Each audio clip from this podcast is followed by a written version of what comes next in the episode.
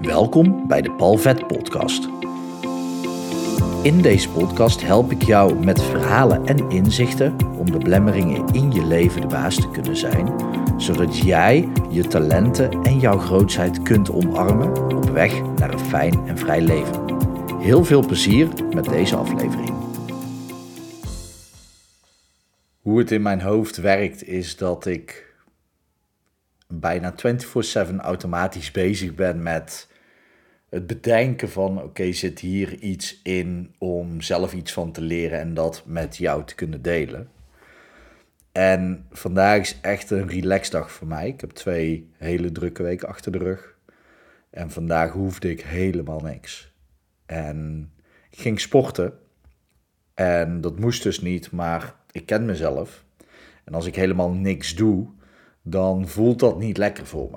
Het heeft niks met schuld te maken of met dat ik niet goed ben in niets doen. Sterker nog, ik ben echt, ja, misschien wel echt een koning in lanterfanten. In echt gewoon op de bank liggen, een beetje voor me uitkijken, een beetje lezen, een beetje wandelen. Ik vind dat heerlijk. Maar ik ken mezelf en als ik wel beweeg, als ik iets van beweging doe, dus inderdaad ook wandelen bijvoorbeeld, dan voel ik me een stuk beter. Dus ik ging lekker sporten en ik plaatste meteen ook dit gegeven op mijn stories op Instagram. Van ja, op het moment als ik in ieder geval iets doe, als ik beweeg, dan voelt dat fijner voor mij. Bovendien heb ik na het sport, ik heb ook echt niet hard gesport. Ik heb meer bewogen dan echt een, een flinke training eruit gegooid.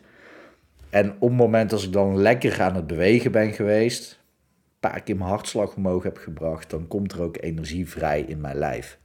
En dat deed me terugdenken aan een keer een aantal jaren geleden dat ik in het ziekenhuis heb gelegen. Dat was eind 2015 als ik het goed heb. Ik ben altijd slecht in jaartallen. Zelfs dit jaartal en, en wat ik je zo meteen ga vertellen, dan klinkt het voor jou misschien heel gek dat ik dat niet precies weet. Maar in dat jaar, een paar weken voor uh, kerst, had ik, um, is mijn moeder overleden. En op 23 december zou zij verjaren. En dat is dus de dag geweest dat ik haar as heb uitgestrooid. En een paar dagen later, volgens mij echt maar drie dagen later, belandde ik in het ziekenhuis met een blinde darmontsteking.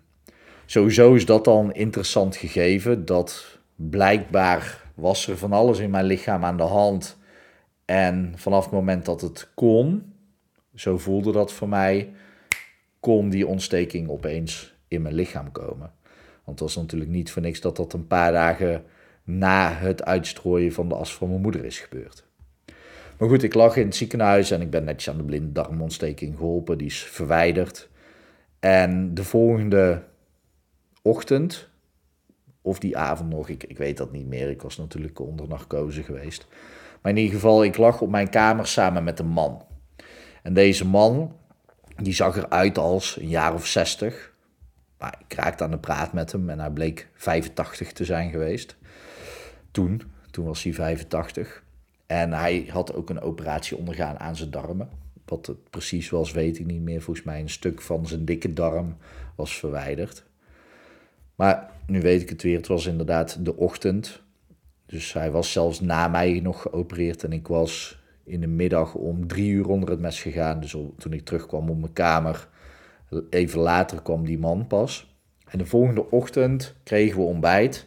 En wat gebeurt er? Die man die hijst zichzelf uit bed en die gaat aan een tafel zitten om te ontbijten.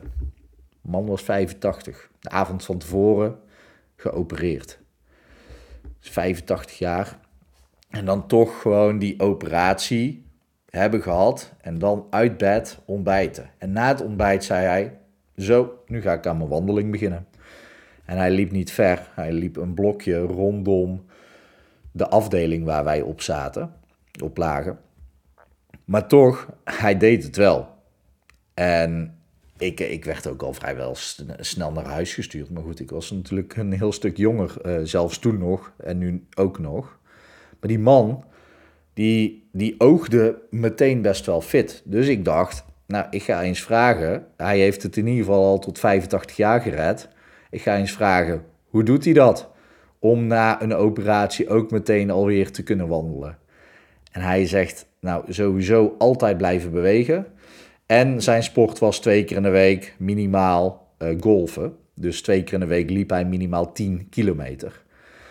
Maar vooral het stukje, oké, ik weet gewoon dat op het moment als ik moet herstellen, dan is actief herstel het allerbeste.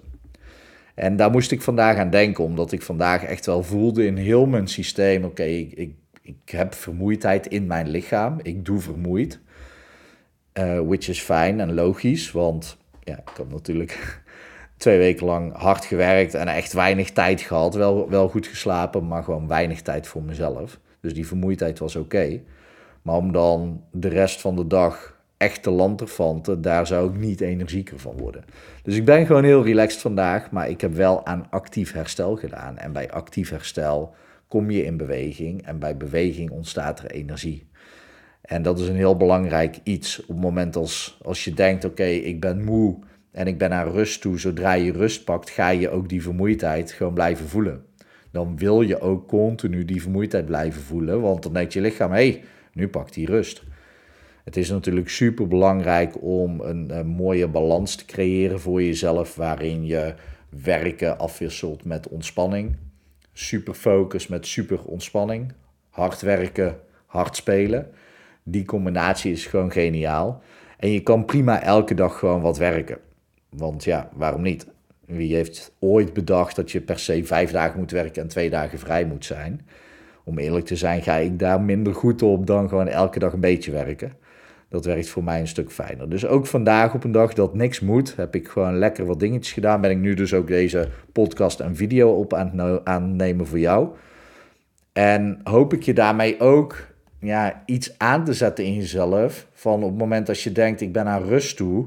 Dat kan dus veel beter door actieve rust te pakken. En dat kan inderdaad zijn wandelen of iets leuks gaan doen, maar in ieder geval in beweging komen. En luister gewoon goed naar je lichaam, want zeg dan niet, ja, ik moest hard gaan sporten van Paul. Nee, ik heb vandaag ook echt niet hard gesport, niet eens lang gesport.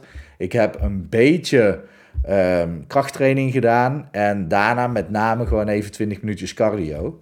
En ook niet echt op, op flink tempo cardio. Gewoon zodat ik me lekker voelde. Dat was helemaal oké. Dus dat wil ik vooral aan je meegeven. En uh, het, het onhandige van dit soort dingen is dat ik nog een podcast idee heb, nog een boodschap, nog een, iets van waarde wat ik je mee wil geven. Dus de kans is groot dat hierna dat ik meteen nog eentje opneem. Maar goed, dat, dat is dus ook interessant. Dat beweging creëert ook nog meer beweging en meer energie, meer inspiratie, meer flow. En dat is toch iets waar we makkelijker op gaan dan op niks doen en vastzitten en gewoon maar lanterfanten. Wat soms dus ook gewoon heel erg lekker kan zijn.